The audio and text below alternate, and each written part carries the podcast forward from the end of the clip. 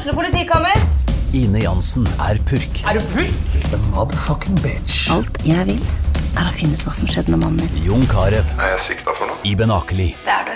Ole So, Lars Berrum og Big Daddy Karsten. Hvem sin side er du på, egentlig? Anette Hoff, Tone Danielsen, Kommer du fra Afrika? Jørnis Josef, Nesten. Kløfta. Trond Espen Seim, Det er synd å si det, men det var feil mann som døde. Purk. Premiere tirsdag på TV2 Play.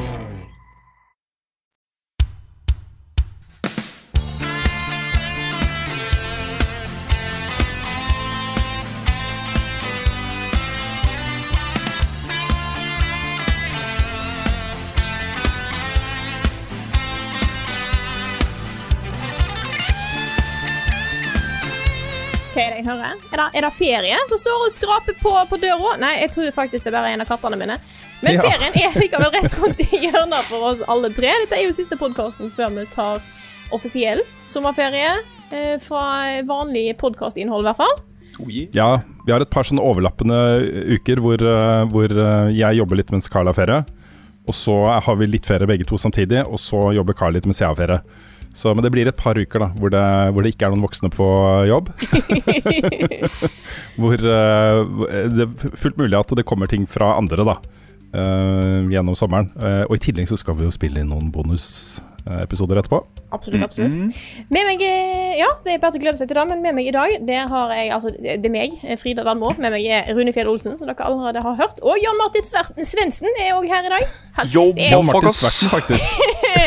Det er litt eh, Jeg har tatt litt ferie eh, i hodet mitt, jeg, faktisk. Det er. Eh, så- Det er gutta folkens, i hvert fall. Det Det er er gutta folkens, selv om Carl er borte. Ja. Fred var over hans minne. Uff a meg, nå ble det veldig mørkt. Carl er ikke død. Nei. Nei, han er ikke det. Han har- har det liksom eh, på opptak. Men hvordan går det med dere? Går det greit? Ja OK. Ok. Ja. Det går ok med meg også, men uh, jeg tror det går uh, mer ok med meg enn med deg da, Svendsen. sånn ref tidligere samtale. Men jeg driver jo og flytter rundt omkring, og det er Øh, Jeg gleder meg sånn til å komme inn i leiligheten. Det, er, det begynner å bli litt slitsomt også. Jeg unner deg ikke den der. og Den usikkerheten. Ja, men nå har jeg begynt å handle inn ting til palasset mitt. Mm -hmm. Palasset mener jeg et, et lite kott. det er et, faktisk et kott. Det er liksom 1,49 brei- bredt. Og så er det akkurat nok plass da, til å lene seg tilbake i en kontorstol uh, der inne. Så det, men det blir mitt, da. Det blir mitt. Det blir mitt. Gleder meg til å presse hele redaksjonen inn dit. altså. Ja, Ja. Nei, vi har allerede snakka om at det er fin å ha en, ha en innflytningsfest i kontoret. Ja. For hele level up. Yes. Det må nesten bare- bli før du putter ting i der. Ja, ikke sant. Jeg kan volunteer som stol, jeg. Det er greit. Og så har jeg bursdag i dag. Altså ikke i dag, men i morgen. Ja, Oh, gratulerer på, på forskudd slash i dag. Ja, ikke sant? Ja. Så um, da er det planlagt en, uh, en uh, veldig rolig, men hyggelig dag. Da har jeg uh, krevd egg og bacon og tomatbønner til frokost. Selv om kona skal på kontoret, liksom. Så vekk meg før du drar med egg og bacon. Breakfast fit for a Og så skal vi se Thor på, uh, på Imax. Oh, Og så skal vi ut og spise ramen. høres nydelig ut. Ja, det Ja, det høres blir en fin, en bursdag. Jeg var ute og spiste veldig god middag i går. Vi fikk et eh, gavekort på litt diverse restauranter i Trondheim til, eh, til jul av svigerforeldrene mine, som vi bestemte oss på å bruke. Oh. På tiretter middag. Oi! Oh, det er så digg! Mhm. Så i går så var det tiretter med, med vin. Eh, det var altså helt nydelig. Bula Neobistro i Trondheim er sånn fusion-kjøkken som lager veldig mye veldig stilig mat. En tar mye sånn kjente ting og lager en vri på det. Mm. Eh, ene retten Altså, vi, har, vi fikk blant annet ramen i, i går. Det var tomatnudler. Blant annet var det funky greie. Og eneretten er inspirert av noe pølse du får på en Shell-stasjon borti eh, andre sida av byen. Så det var veldig fancy små eh, blodpølser. Ja. Med et, et Du fikk et brett med tilbehør av alt mulig. Både fancy rekesalat og agurksalat og flere ulike sauser, blant annet en habanero-saus som var bra spicy, men det er litt sånn Det, er- det er en kul take på Mm. ting du kjenner, som er bare gjort fullstendig annerledes. Vi snakka litt om det med Carl også. Å lage liksom en sånn hybelkjøkken-tiretters. Med bare ikke sant, Grandiosa, pølser, lasagne, knorr og lasagne og så videre. Det hadde vært litt kult. Ja. Skal nevnes at dette her er Det, det kan kanskje høres litt sånn jalla ut, men det var ordentlig fancy eh, good shit mat. Altså. Det var noe av de eh, stiligste rettene jeg har vært borti. Så eh, Buland Bistro i Trondheim sentrum eh, kan, eh, kan sterkt anbefales. Meget siste? Nå er det mye forberedelser på å fikse innhold før en tar ferie, men jeg hører rykter rundt om at du har i hvert fall spilt noe nytt. Jeg har det, vet du. Nå har jeg satt meg ned med da Outriders World Slayer, som er den første story-delscenen til et spill jeg da var veldig glad i, i mange timer. Før jeg ikke var glad i det i det hele tatt. og jeg fant jo ut ganske fort da når jeg satte meg ned med den uh, delscenen her, at jeg har egentlig spilt Knockout Riders uh, nå. Du er metta på det? Ja, altså jeg, jeg, Den derre grinden i det spillet som er altså så bra, da. Um, den, den, har jeg, den har jeg gjort. så det å få en ny story, det var, jeg, det var faktisk ikke det jeg hadde lyst på. Jeg, jeg tenker at jeg er klar for en oppfølger. Også et nytt spill hvor de liksom gjør greia fra scratch, liksom. Men det å bare få mer Outriders, det var too soon. Det var too soon. Jeg ble med umiddelbart grepet av en litt sånn derre Åh, skal jeg gjøre dette her en gang til? Uff da.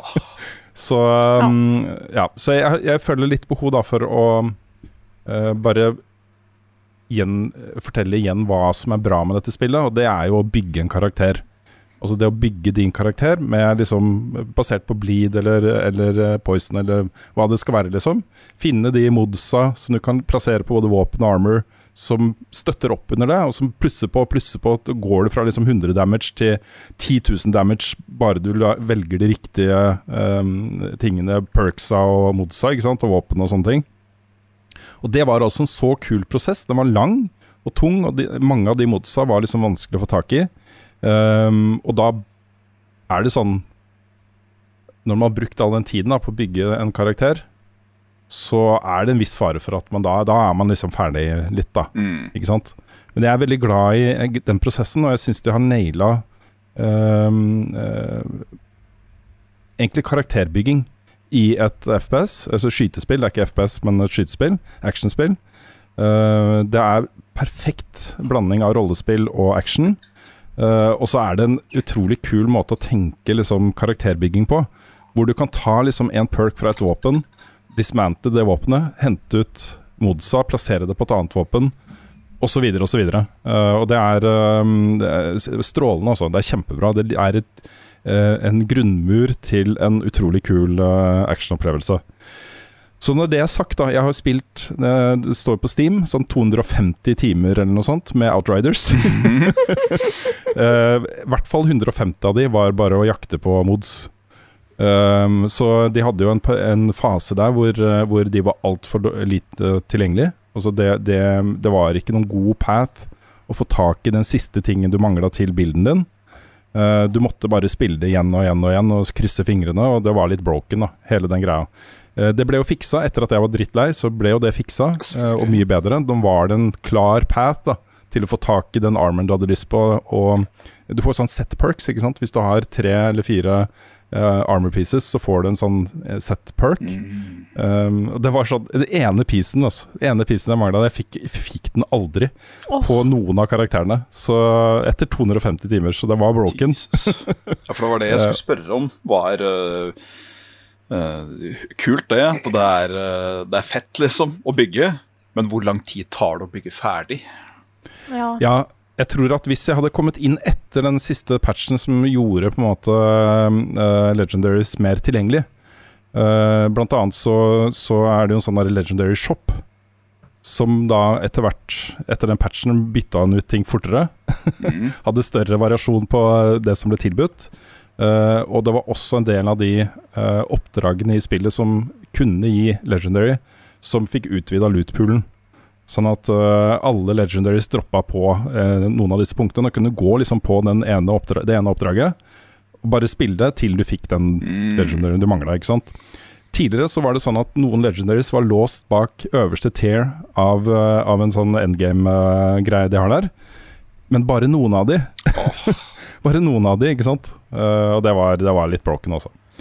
Men uh, bare for å gå litt sånn kjapt tilbake til World Slayer, jeg kommer ikke til å orke å spille gjennom. Jeg kommer ikke til å orke å ta den prosessen en gang til. De har lagt til to nye paths på perks, uh, som du får da poeng for gjennom det du spiller, og så legger du det inn i sånn to nye løp, da, som bygger opp og støtter opp under det du har gjort tidligere, liksom. Så hvis du har en bleed-bild, så kan du fortsette på den nå, da.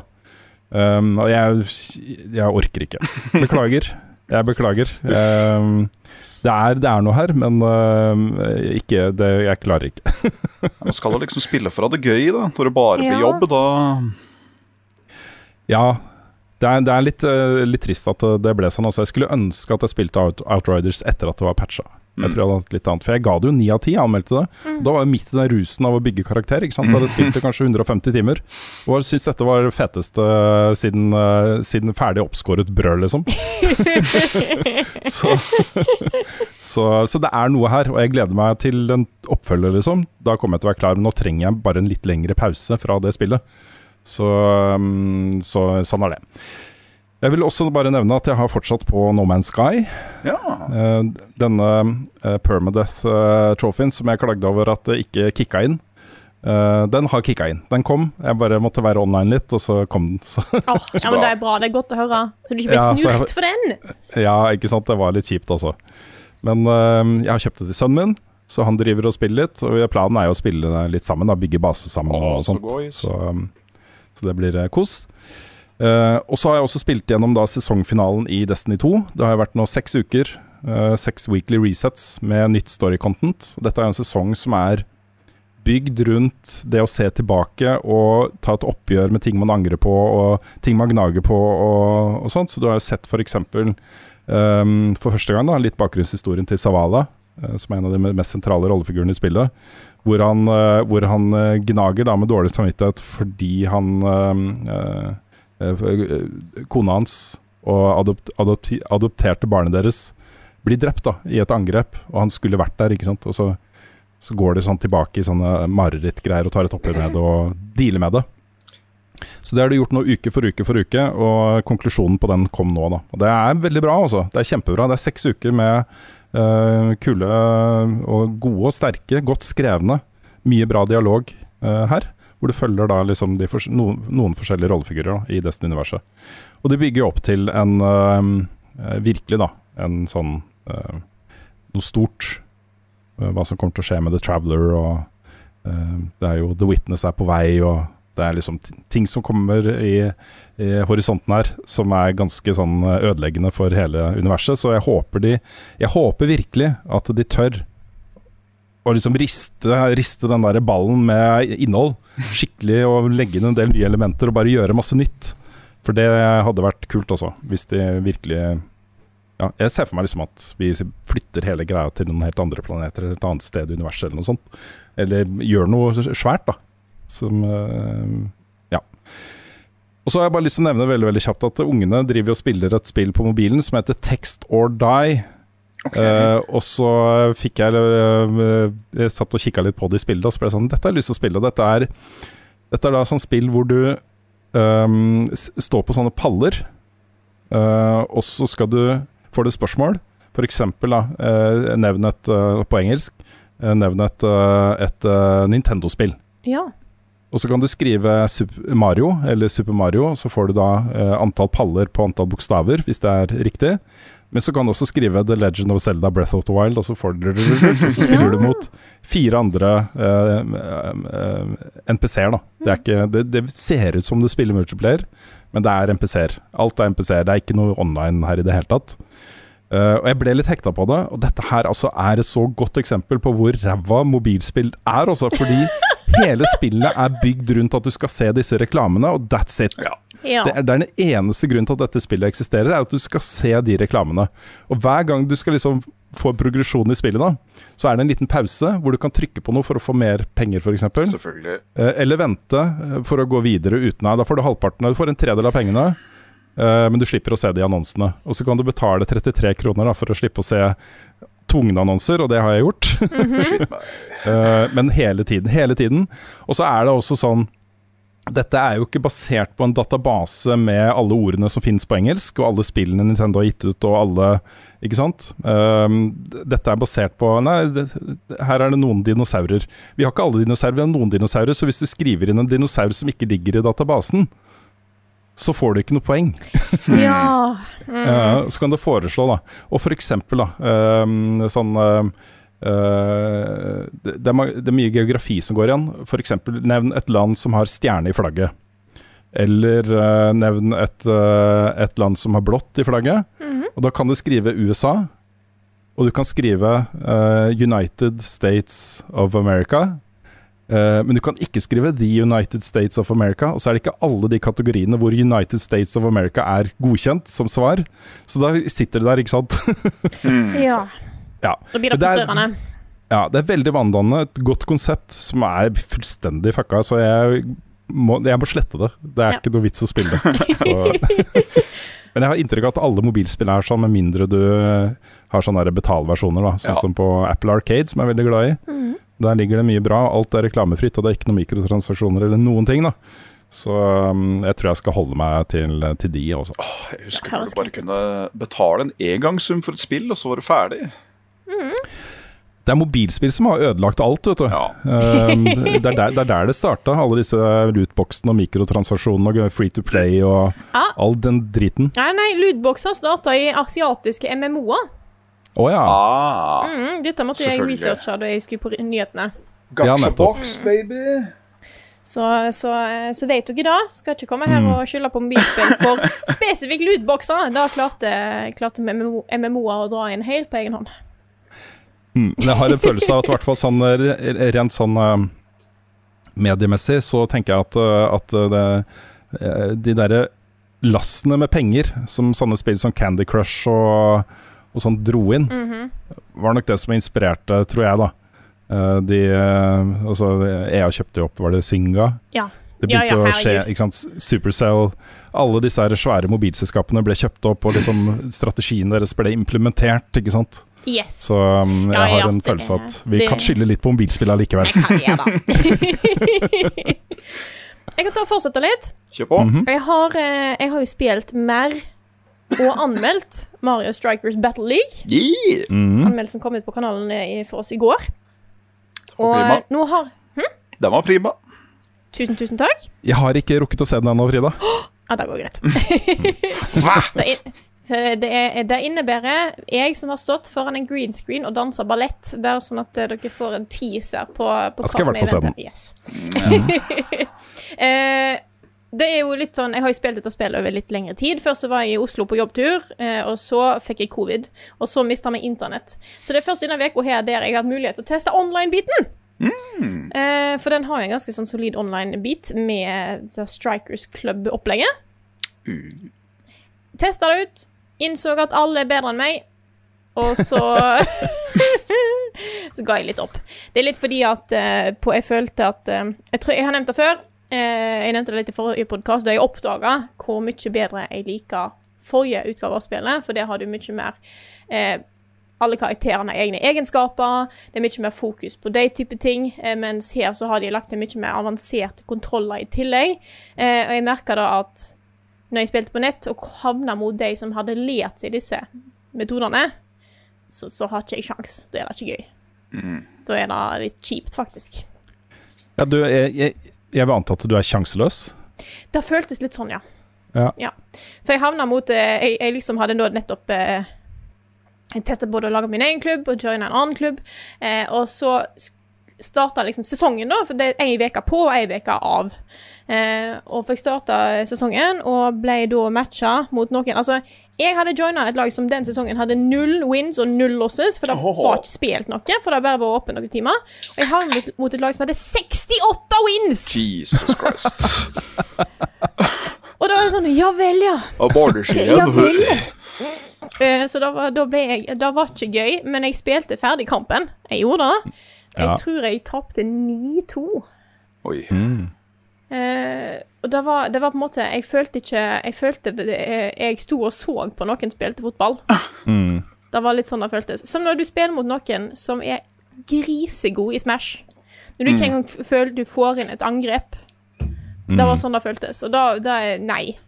Så eh, noen ganger innså jeg at den, eh, den type online-spill kanskje ikke er helt for meg. Jeg tror Jeg, tror jeg hadde noen gode online-kamper før det òg. Jeg må bare nevne det. Eh, jeg kunne huske at det gikk bedre enn jeg gjorde. Da jeg så, på opptakene, så innså jeg at jeg hadde tapt egentlig nesten alle. Men jeg hadde ikke tapt alle så mye! Nei. Nei. Du tapte, du tapte ikke hardt. Nei. Og noen av de vant jeg faktisk. Så eh, Så jeg endte jo opp med å eh, Jeg sto lenge og vurderte hva jeg skulle gi eh, spillet.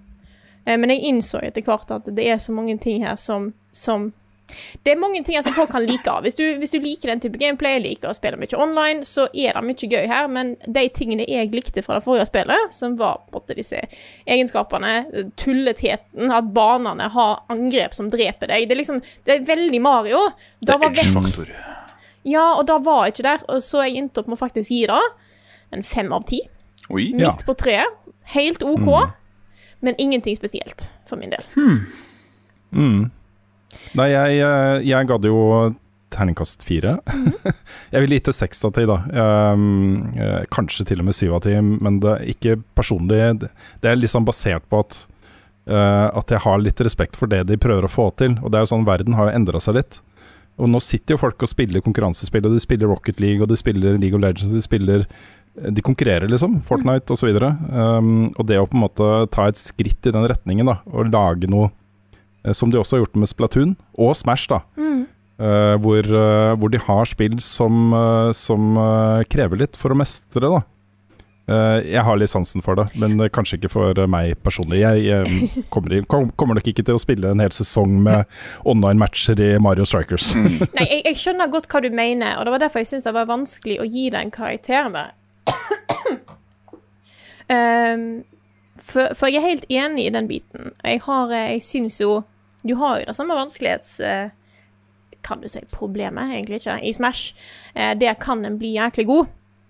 Men jeg føler at de tingene som eh, Nå, siden jeg har spilt forrige utgave av spillet, eller i serien, så føles dette som et skri skritt tilbake.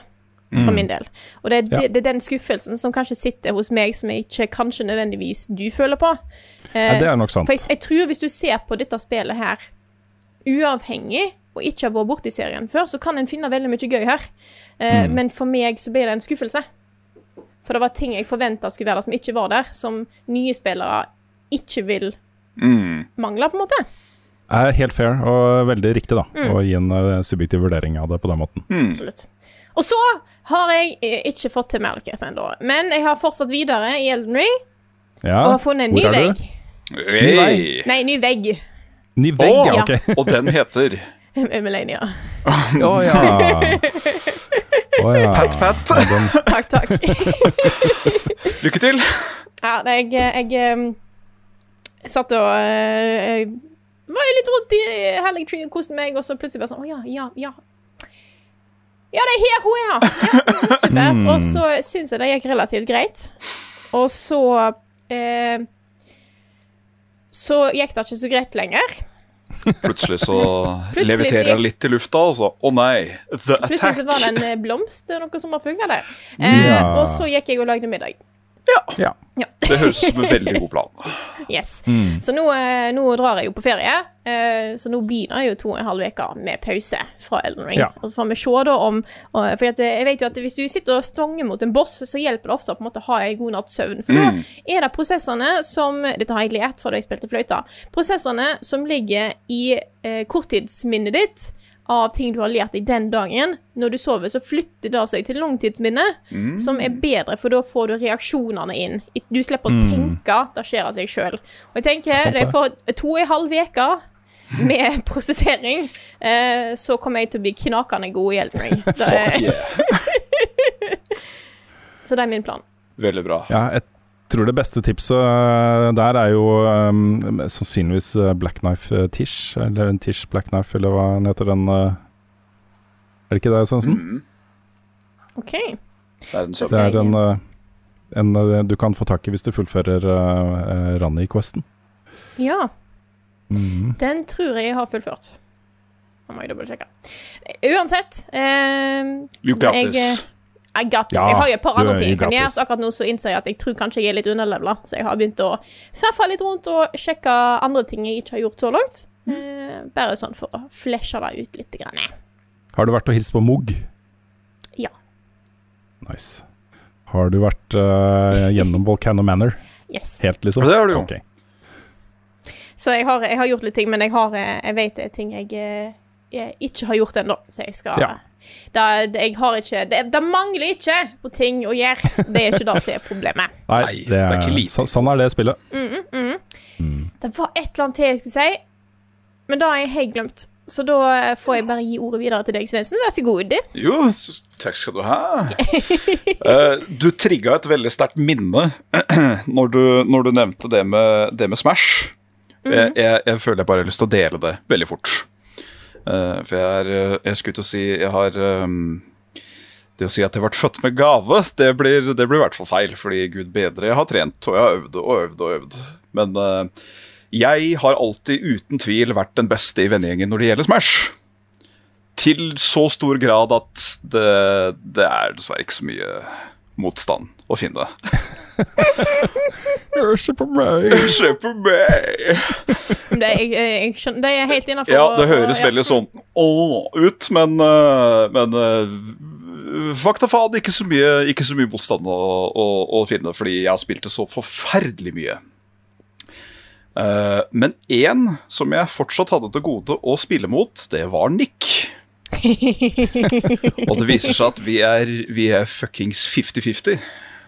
Oi. Så det var, det var deilig. Uh, men etter å ha spilt da i sikkert flere timer, når jeg var hos han eh, i Oslo-turen, så ser jeg Ja. at altså, jeg, jeg kan se den hjernen hans jobbe igjennom gameplay som vi driver og ser på. Fordi jeg vil si at det gruste han i starten, men han lærer hvordan folk spiller veldig, veldig Ja. fort. Mm -hmm. Så når det gikk kanskje en halvtime, da blei det ganske ujevnt en stund, før vi til slutt begynte å klaffe litt mer. Han tok noen kamper, jeg tok noen kamper, han tok noen kamper, jeg tok noen kamper. Så han endte vel opp med å ta totalt fem mer liv av meg enn det jeg gjorde av han, på da eh, stokkantall på kanskje 80. Oi. Wow. Så. Da er det jevnt. da er det ganske jevnt. Det var, eh, det var, det var sinnssykt gøy. Så den, den low-key fleksinga til, til Nick den viste seg at eh, ja, det stemte ganske bra, det. Kult. Jeg kom på hva det var jeg skulle si i stad. Ja, kjør på! Vi snakker om Melania. Mm. Jeg så at Let Me Solo Her har tatt Melania for andre, eller totalt 2000 ganger, 2000, ja. og får nå en gave av Bandai Namco. Wow. Ja, det er bra. det Dette er jo, for dere ikke fortjent. kjenner til det, er jo dette en, eh, en person som, eh, som kaller seg Let Me Solo Her, som eh, tilbyr at du kan sømne han, og så tar han Melania for deg. Mm. Han dukker opp uten klær og med Hva er det han har på hodet? Krokke. Krok, Ja. ja. en krukke på hodet, og så bare, så bare tar han Melania for deg. Ja. Og bare sette det i perspektiv og at eh, Jeg vet ikke hvor mye prosent det er snakk om, men eh, hun har jo veldig mye mer liv når du sømmer inn flere spillere. Så oh, ja. han tar jo en roida Malenia aleine. Mm. Uten noe særlig problemer. Så det 2000 ganger. 2000 ganger. Not all heroes wear capes. Ja. Mm. Some wear Some wear pots. Pots and buckets. ja. Ja. Nei, men eh, da eh, var det noe annet du eh, En smash Ja. du ta opp i dag, Svins? Jeg eh, Jeg eh, opplever borderline avhengighet av enkelte spill noen ganger. Fordi de er så Det gjør ikke jeg. Har aldri hørt Hæ? om. Hva er det du snakker om? Hva? Hæ? Hvem? What? uh, og jeg har funnet ut at min ekstreme akilleshæl, som mer eller mindre er min akilleskropp, vil jeg tørre å påstå, bomber du, så det er din skyld, ikke min. Eh, det er uh, Rogalights. Og så er det et åpent verdensspill med mye innhold. Les Elden Ring. Les Hades. Eh, og nå har jeg spilt to. Uh, begge har jeg spilt før, men nå har de hooka meg verre enn det de har gjort noensinne. Og det ene er et uh, sånn zombiecraft survival-ish spill som heter Seven Days To Die. Ja. Som har vært i Det har vel vært i beta i sånn seks år eller noe sånt, tror jeg. Eh, men nå kom det ut en ny sånn eh, stable patch. Patch versjon 20,1, tror jeg det var. Ja, Så herlig. herlig, herlig, herlig. et par renditions, kan du si. Og ja. det, spillet er, eh, det spillet er så gøy og så bra. Og det, det er rett og slett Minecraft med et dypt level-progresjonssystem og mer lut enn det du kan dra opp i leksikon. Holdt på å si. Det er så mye å gjøre, og jeg går aldri lei. Ja, kult. Nå, ja, det viser seg at den er en ekstremt hogg når det gjelder memory på PC-en. Ah. Og det er, jo, uh, det er jo dessverre den tingen det er mest manko på hos meg. Så jeg klarer ikke å generere maps sjøl. Fordi hver gang de er ferdiggenererte, så sier PC-en nei. jeg, jeg klarer ikke dette, altså. Så, um, men da X-en også begynte å spille. I've, I've hooked him in. Um, så da genererte han en map med masse sånn custom-greier som jeg aldri har sett før. Og det er sånn Åh, le, lite, lite, barn i, lite barn i godteskap. Og vi har det så gøy. Uh, og så har det jo vært, det har vært sånn Steam Summer Sale, kanskje har fått med seg. Eh, og da så jeg at en DLC for et annet crack cocaine-spill i spillform, uh, som jeg har spilt masse før, som heter Risk of Rain 2. Ja, Ja. OK. Uh, spilte det masse, masse, masse, masse, og så gikk jeg litt lei, og så fant jeg ut at oh shit, det er en Nexus mod page for spillet. Hmm. Og så spilte jeg det 200-300 timer til. Ja. Og så tenkte jeg at ah, nå er jeg fornøyd. Og så releasa skaperen en DLC av det. Ja. ja. Så da måtte man spille det. Shit, I'm hooked again. Gosh darn Da, it. spillet ser jo så kult ut. Det er kjempekult. Og så så gøy, og så koselig musikk, og så spennende karakterer. Så masse kule perks du kan bruke, og masse kule fiender. Bosser som er morsomme å drepe. og Du er, sier ting med munnen din nå som jeg egentlig ikke vil høre, En helt umenneskelig vanskelig siste boss. også. Ja. det er jo et spill som jeg har fått med meg at eh, det er om å gjøre å bare breake det fullstendig, nesten, Ja. med perks. eh, Når det spillet spiller seg sjøl, da har du på en måte vunnet. Og da er det òg veldig gøy. Det er sånn eh, Første map har kanskje 100 fiender, og du kommer jo deg i mål, men det tar sin tid. Og det er jo sånn at disse banene eh, Sånn første bane, det kan være én av to. Når det kommer til andre bane, så kan det jo være én av to. Tredje bane, én av to, bla, bla, bla. Eh, helt til du kommer til siste. Men da kan du òg opte ut fra drite i og drepe sistebossen, og da looper det hele veien tilbake til første. Eh, med da masse forskjellige nye finter og hele pakka. Og da kan det fort være sånn at du liksom, du tar forsiktig opp musa di, og så klikk. Og så Oi, shit, der fikk jeg to FPS, ja. Og der var alle døde. OK, nice. Eh, så det er uh, Det er så gøy. Det er et spill jeg skal um, Jeg har noen artige, artige streamplaner for det fremover. Nice. ja, det er kult. Er det da spillet Husker jeg rett at da har en sånn en sånn bar over som viser vanskelighetsgrad, og på et Ja. tidspunkt så står det bare ha-ha-ha-ha-ha Ja. uendelig? Det er liksom eh, easy, normal, hard, bla, bla, bla. Til slutt begynner det å komme, begynner å komme tekst fra et vesen. Eh, Ja. Og da er det sånn uh, uh, I know where you are, tror jeg det står først. Er sånn «Øh». Og så I can smell your fear, tror jeg det er. Og så er det ha-ha-ha til det uendelige. Så når du kommer dit, da er det sånn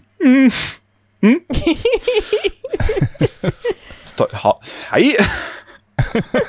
Men du vil på en måte å komme dit, Fordi jo lenger ut i ha-ha-ha du kommer, jo mer og mer fiendespawnere. Og fiender som blir drept, betyr cash og betyr XB.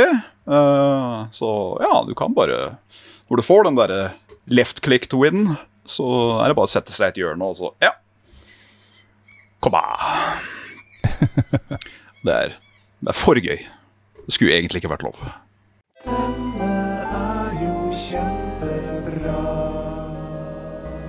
Ukens anbefaling.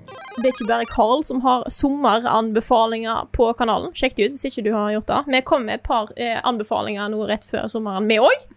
Ja. Rune, du skal få lov til å begynne i dag. Ja. Um, det, jeg føler dette er en, en litt for åpenbar anbefaling, for jeg føler liksom hele verden har sett dette her. Men uh, det er da snakk om uh, uh, Stranger Things eh, sesong fire, som jeg har hatt lyst til å snakke om hele sesongen. Bare nevnt, vært innom det så vidt da i podkasten, men nå har jeg da sett de to siste episodene, for det var jo en, en sesongpause. Og så kom de to siste episodene på fredag. Og dette er jo noe som jeg har sett med dattera mi. Um, eh, etter nøye over, uh, overveiing, da. Og jeg har fulgt med på om hun takler dette her, og hun er flink til å se bort når det blir for skummelt og sånne ting. Uh, og hun elsker det. Hun elsker det. Og jeg tror hun elsker det mye fordi hun um, Også disse barna da, i, i Stranger Things, de er på en måte sånne rollefigurer som hun strekker seg litt mot. da. Så hun digger jo Max, Max eksempel. Det er jo favorittrollefiguren hennes ved siden av Eleven. Eh, jeg tror hun, hun ser det litt som en sånn teen drama med litt skumle elementer. Så hun har blitt veldig veldig glad i den serien. Eh, og det er jo jeg også. Eh, og jeg syns sesong fire er nok kanskje min favorittsesong av den serien. Så hvis du ikke har liksom Hvis du har falt av Stranger Things-lasset, så vil jeg anbefale deg å, å få med deg uh, de sesongene som har vært, og så se da sesong fire. For den er veldig sterk. Og uh, det jeg setter mest pris på med den, er at her også eh, De har hatt en plan, liksom. De har hatt en ordentlig plan for den serien. Eh, de, de vet hvor det bærer. Eh, neste sesong vil jo bli den siste. De har skrevet ferdig liksom historien. Um, og det, det merkes så godt. Det er så gjennomtenkt og bra. Bortsett fra at det er et par av disse rollefigurene da som plutselig ikke har noen særlig funksjon i historien lenger. De har på en måte spilt ut litt sin rolle, liksom, men de er fortsatt med. da Det er litt sånn awkward. De er liksom ikke helt inne i greia uh, lenger. Uh, uh, men andre har tatt over, sånn som Max eksempel, som, eh, som er litt sånn hovedpersonen i sesong fire. Det er eh, veldig, veldig bra også. Og så var det jo de to siste episodene. Det var jo Den ene var jo 1 time og 24 minutter lang, og den andre var, var det to timer og et eller annet. Så Oi. det var fire timer da Fire timer med Stranger Things Ja. på to episoder. Deilig. ja, og den siste episoden er eh, klassisk TV. Altså. Det er noen scener der. Jeg har, ikke lyst til å, jeg har lyst til å ta et spørsmål her fra uh, Raymond Alexander Nilsen. Han vil gjerne at jeg skal spoile, men jeg skal ikke gjøre det. Eh, men jeg skal hinte om det, så de som har sett det, kan, eh, kan eh, nikke, liksom. Spørsmålet er hva tenker gjengen, og spesifikt kanskje Rune, om de to siste episodene av Stranger Things? Vil gjerne høre med spoilers, om mulig. Um, uh, men han skriver da Selv digget jeg musikken Eddie spilte, og det er en scene der med da Eddie, hvor han spiller elgitar. Uh, Master of Puppets, Mhm. Metallica. Og det, den er bare så Det er så Den scenen er så fet. og den er så kul, altså. Så øh, ja. Og så et spørsmål fra Martin Herfjord, som er litt sånn semispoiler, øh, men uh, innafor, tenker jeg da. Uh, dere blir da cursed av Vekna, og det er da uh, monsteret i sesong fire, og dratt inn i hans verden, men heldigvis har dere på headset. Hvilken sang er det som kan redde dere ut? Og det han spiller til der, er eh, det er jo da en sånn ting da for den sesongen her. eh, at det er noe Din favorittmusikk er, kan redde deg, liksom. Oi. Um, og det er jo derfor uh, Kate Bush plutselig topper hitlisten igjen etter 30 år eller 40 år eller hva det er. 30 år. um, med 'Running Up That Hill'. Den er jo overalt på TikTok og overalt, ikke sant? Ja. Um, så spørsmålet er, syns jeg er ganske godt, og leder også inn litt til det ting vi skal snakke om etter at vi har spilt denne episoden, nemlig vår favoritt, eh, al våre favorittalbum. Det blir en uh, serie på det. Uh, men én sang, da. En sang, er det, hvilken ene sang er det som kunne liksom ha redda oss fra Vekna, folkens? Hmm. Som du aldri blir lei av, og som bare er liksom Jeg har lyst til å på en måte ta et seriøst svar, Mm. Men jeg har lyst til å ta et litt useriøst svar. Ok. Live and learn Åh, Sonic. Fantastisk. fra Sonic Adventure 2. learn Og Crush 40. Jeg tror jeg, jeg, jeg, For det, det har vært, den sangen har vært med meg siden jeg var sånn ti. Ja. Ja. Det er et uh, Det er- godt barndomsminne, det, altså. ja fortsatt bra. Mm. Jeg Det er bra det ikke var hjulene på bussen. hjulene på det. Eller hva er det heter det derre uh, Baby shark du, du, du. Ja, ikke sant? Blue jeans and bloody tears. Nei, jeg uh, Altså, dette får meg til å fremstå så mye mer badass enn det jeg egentlig er.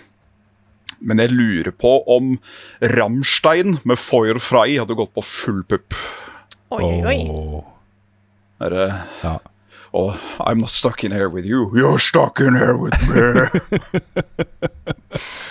Ja, jeg tror jeg må si uh, Prince, 'When Doves Cry'. Den, er sånn, den har jeg aldri gått lei av. Den har, den har vært med meg hele livet. Det er, en, det er verdens beste låt, altså. Det er, Formerly eh, known as Ja. Nei, den, det, er, det, det er en amazing låt, altså. Mm. Så eh, den eh, Den hadde også kommet på Hadde, det, hadde de brukt den isteden, så hadde den også kommet på toppen av hitlistene. Ja, ja, ja. Hvis det var den istedenfor Kate Bush. For den er så tidløs. Den eh, holder seg. Så nei, men Stranger Things også, nå har de jo sagt da at, um, at sesong fem blir jo den siste. Uh, at den blir kortere enn sesong fire. Uh, og at de planlegger en spin-off som vil ha en helt annen vibe Oh. enn det Stranger Things har, da. Så dette er jo et univers som kommer til å leve videre. Jeg tipper at kanskje det er noe med, med Max der. Uh, eventuelt har det jo vært snakk om også han, eh, han eh, en sånn russer som er med i sesong fire. At det var snakk om å kanskje gjøre noe med han. Uh, Hopper kan de gjøre noe med. Kanskje litt sånn derre sånn drama. Uh, Politietterforskingstype serie med helt vanlige saker. Krim. Så det er ting de kan gjøre, da. Men uh, jeg er veldig glad i Stranger Things nå, og uh, syns sesong fire var uh, prima. Knall. Jeg har uh, lyst til å komme med en, en anbefaling vi har snakket om før. Bare sånn i tilfelle noen eh, ikke plukka det opp sist. Eh, kanskje vi får se at det fortsatt har holdt seg. Ikke overraska over det. Vi har nemlig begynt i huset her å se på en serie som jeg har sett før, men som Maren ikke har sett, nemlig Dark. Å, fy oh. faen, Dark er så jævlig bra. Ja, jeg skal uh, se den igjen snart, for det er uh, Jeg har jo sett uh, de to første sesongene har jeg sett tre ganger. Oi, sånn i forberedelsen. Ja. Den første har jeg sett tre ganger, andre har jeg sett to ganger, og så har jeg sett den siste. Så, men det er, eh, det er altså så bra. Ja, jeg har tenkt lenge på å se den på nytt igjen uansett. Jeg har jeg tror jeg bare har sett hele én gang. Så jeg er veldig glad for at mannen nå var litt eh, interessert i å se den. Så vet du hva? Jeg, jeg, eh, Den serien er noe av det beste jeg vet. Og jeg så, nylig, jeg så nylig Tsjernobyl på nytt igjen. Jeg så den mens jeg var sjuk. Og jeg vet faktisk ikke hva av de to jeg har øverst. For de to Nei. er bare helt insane. Kanskje det er de det er noe eget, altså. Ja. Nå er jo den nye serien til uh, skaperne av Dark er jo veldig på vei.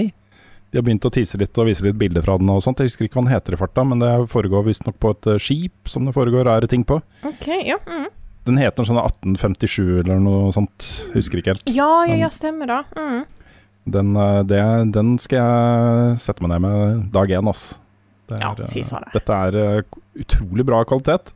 Og så så gjennomtenkt. Også, så så bra manus og, og sånne spennende plot twists og sånne ting hele veien, liksom. Ja. Det er utrolig bra, altså. Så den er på Netflix. Supertilgjengelig. Kjør på, folkens. Jeg har eh, litt lyst til å komme med en, en mikro, makro, super Uh, kvikk Nå ble den ikke så kvikk Den er, allikevel. både mik den er både mikro og makro, faktisk. Ja, da er Ja. Spicy. Fordi det er et lite spill, men med en stor anbefaling. Jeg føler at dette blir en Dette er min ting hver eneste gang jeg dukker opp på, på podcast. Så føler jeg at jeg anbefaler dette spillet, men shit pokker, folkens. Hvis dere ikke har uh, sjekka ut Vampire Survivors ennå, kjøp Ja. det hersenspillet, altså. Det koster, koster koster 10 kroner eller noe sånt. 20 kroner 20 kroner, ja. for et spill. Skal vi se. Jeg har Steam oppe. Uh, så hadde jeg ikke det likevel. Skal vi se 20 kroner for et spill jeg har spilt i 79 timer. Ja. Det det, er grei value, da. det kommer updates opptil flere ganger i måneden, og de fortsetter å fornye formelen, og Pixelarten blir oppdatert, og soundtracket blir bare hvassere og hvassere, og det bare åh, åh. Check that shit out, gosh darn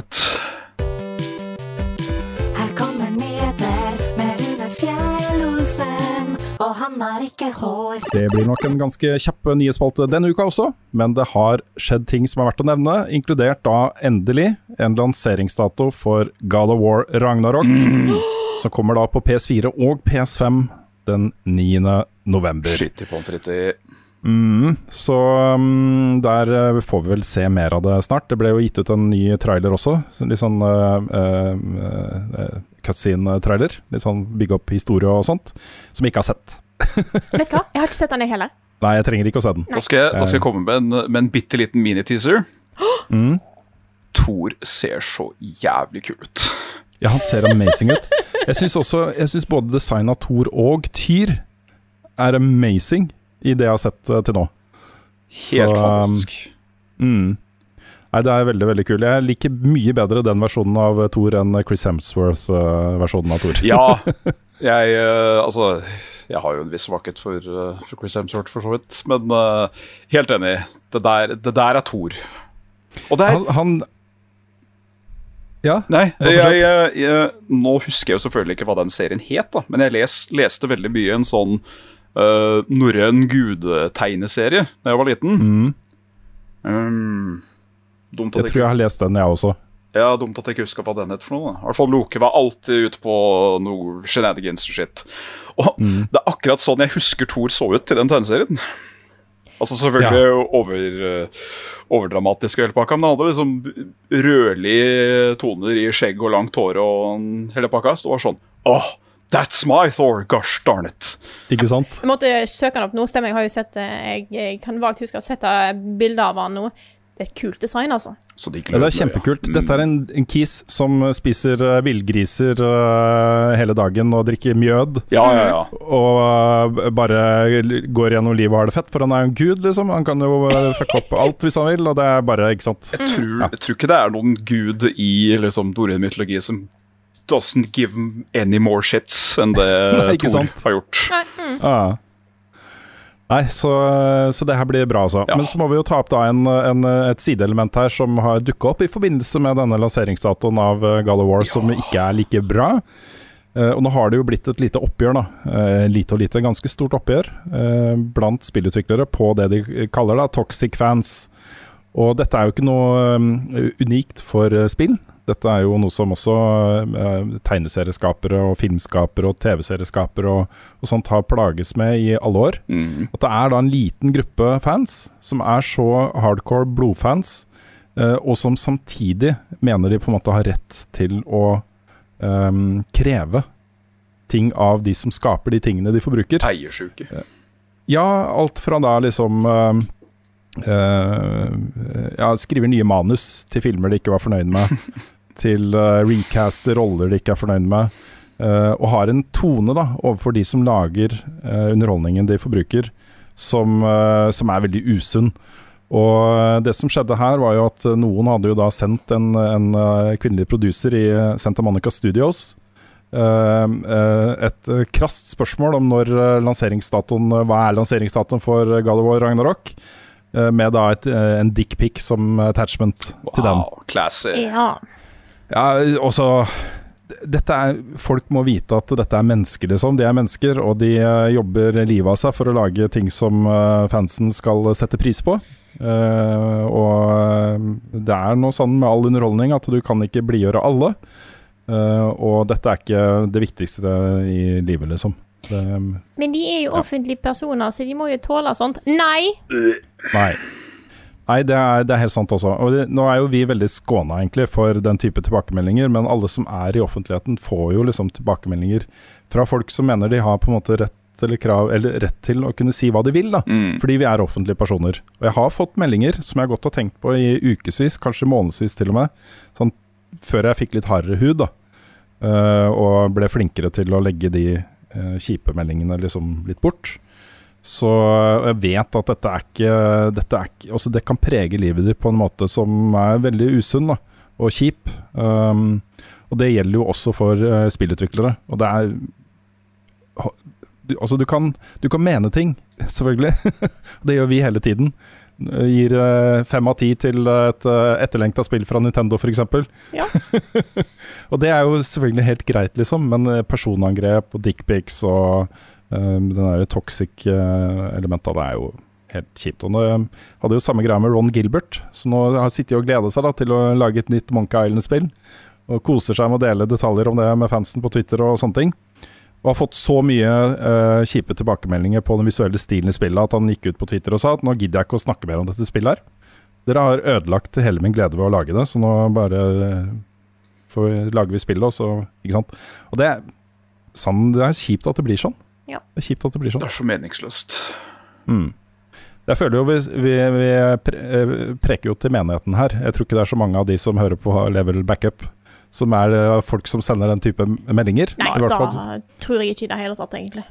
Nei, jeg dømmer det ut fra liksom hva slags kommentarer vi får på ting, og det er jo så mye hyggelig. Mm, Så um, øh, Men øh, øh, har du en kompis, da, som sender den type meldinger, så si ifra, liksom. Det er ikke greit. Det er ikke greit. Det er ikke bra. Vi eh, går videre til en ny lanseringsdato som da eh, har eh, kommet. og Det er jo da en utsettelse av Forspoken. Dette Square Enix-spillet. En ny satsing, en ny franchise, ny, en ny greie. Satt sammen av et nytt team med folk de har henta fra litt ymse. Fra film og kunst og diverse, liksom. Eh, det er nå utsatt til 24.1.2023, da det skulle jo kommet i år. Eh, men det, jeg syns det var litt interessant å se begrunnelsen, for jeg regner med at liksom, nei, det var ikke helt ferdig ennå, jeg trenger liksom siste finpuss med å ta vare på teamet vårt. eh, unngå crunch. Og så var det jeg forventa, men her står det spillet er basically ferdig. Eh, Det er bare siste finpussen som gjenstår, eh, men det er utsatt av strategiske grunner. Etter samtaler med eksterne samarbeidspartnere, er det det står, da. OK. Mm, og da kan man jo begynne å spekulere. Square Enix er jo et selskap som har sagt at de skal satse på krypto, krypto og NFT. Eh, de bare venter, de bare venter litt. Jeg føler ikke at det er riktig klima å gjøre det akkurat nå. Så jeg fikk bare litt vondt i kroppen. Eh, Ja. Beklager. Det kom veldig, veldig brått på. Ja, det kommer litt brått på. Det er jo bare spekulasjon, da. Eh, Dette virker ikke som en sånn typisk spill man introduserer masse NFT i og sånne ting, liksom. Men det kan være det. Eh, Men det kan også være at de kanskje er i samtale med Netflix eller noen om å lage en TV-serie. eh, som ikke er helt på plass ennå, eller en film eller en tegneserie, eller også tegne... hva heter det? Tegneseriebøker. eh, graphic novels. en anime, hva som helst. Det kan hende at det skal skje ting med det universet her som er utenfor spillet. At det er liksom eksterne samarbeidspartnere også. Så um, inntil, det, inntil vi får beskjed om at uh, nei, her kan, i Forspoken så kan du kjøpe din egen plot of land. Um, et eller annet. Som er, så får vi Vi får vente og se. Jeg får vente og se. Ja. um, det er mange som går og venter på um, eh, nyheter fra Ubisoft. Eh, de har jo eh, ikke kommet med noe dato for den der årlig svære pressekonferansen sin, Ubisoft Forward, før nå. Og det blir da 10. september, folkens. 10. Yes. september. Jeg er litt late to the E3 party, må jeg innrømme, men det er greit, da. Ja, jeg vet ikke, er det for seint? Kan vi fortsatt kaste penner? Vi kan kaste penner, men jeg tror ikke det blir tellende med i, i totalen for eh, Summer Games, nødvendigvis. Det gjør nok ikke det. Men det er da 10. september klokka 21.00 norsk tid. Ja. Det er jo den uh, Ubisoft Forward er jo den uh, pressekonferansen de har, hvor de snakker om de største tingene sine. Så, um, så um, Ja, det blir spennende. Men de, de har også sagt da at uh, Skull and Bones, dette spillet som har vært avduket, og så gjemt i en skuff, og så snakket litt om, og så gjemt i en skuff igjen. Det skal bli avduka nå, i kveld, for oss, da. Oh. Så innen, når podkasten er ute, så har det kommet en, eh, en, eh, det de kaller en Skull and Bones showcase. Damn. Eh, Den var da torsdag kveld klokka 20.00 norsk tid. Um, dette er jo et veldig spennende spill, en ny, litt sånn ny retning for uh, Ubisoft. Uh, og um, jeg er litt uh, spent på hva de mener når de snakker om Games as a Service-hobbyspill for dette spillet her. Det ligger noen muligheter der som eh, er både gode og mindre gode. Um, Uh, og så er jeg spent på hvordan de klarer å konk konkurrere mot da eh, Sea of Thieves på Xbox og PC, som jo har blitt en sånn kjempegreie, og som er veldig, veldig bra. Da kommer jevn strøm av nytt innhold hele tiden. Hvis du spiller det spillet, så får du så mye gøy å gjøre, da, hele veien, liksom. Så um, de, de har en formidabel motstand Uh, eh, i akkurat den derre styret, styret skip-kategorien.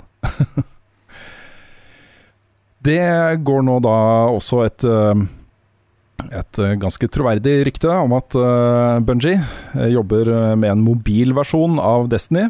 Um, og det er jo basert på at eh, de eh, fikk en 100 millioner dollars investering fra et kinesisk selskap som heter NetEase, Mm. som jo har lagd mye av de største mobilgreiene før, liksom. Um, og dette skal da, eh, ifølge ryktene, være et uh, slags spin-off eller standalone-spill. Eh, ikke en sånn en mobil Også Du får, får, skal ikke få tilgang til de samme karakterene dine som du har på PC eller PlayStation eller Xbox. Um, det skal være en helt ny greie, da, laget for mobil. Og så hver gang du Eh. går tom for ammo, så må du se en ad. Ikke sant? Kanskje, det, kanskje noe sånt. Kjøpe en ammopack. Ja, og for meg.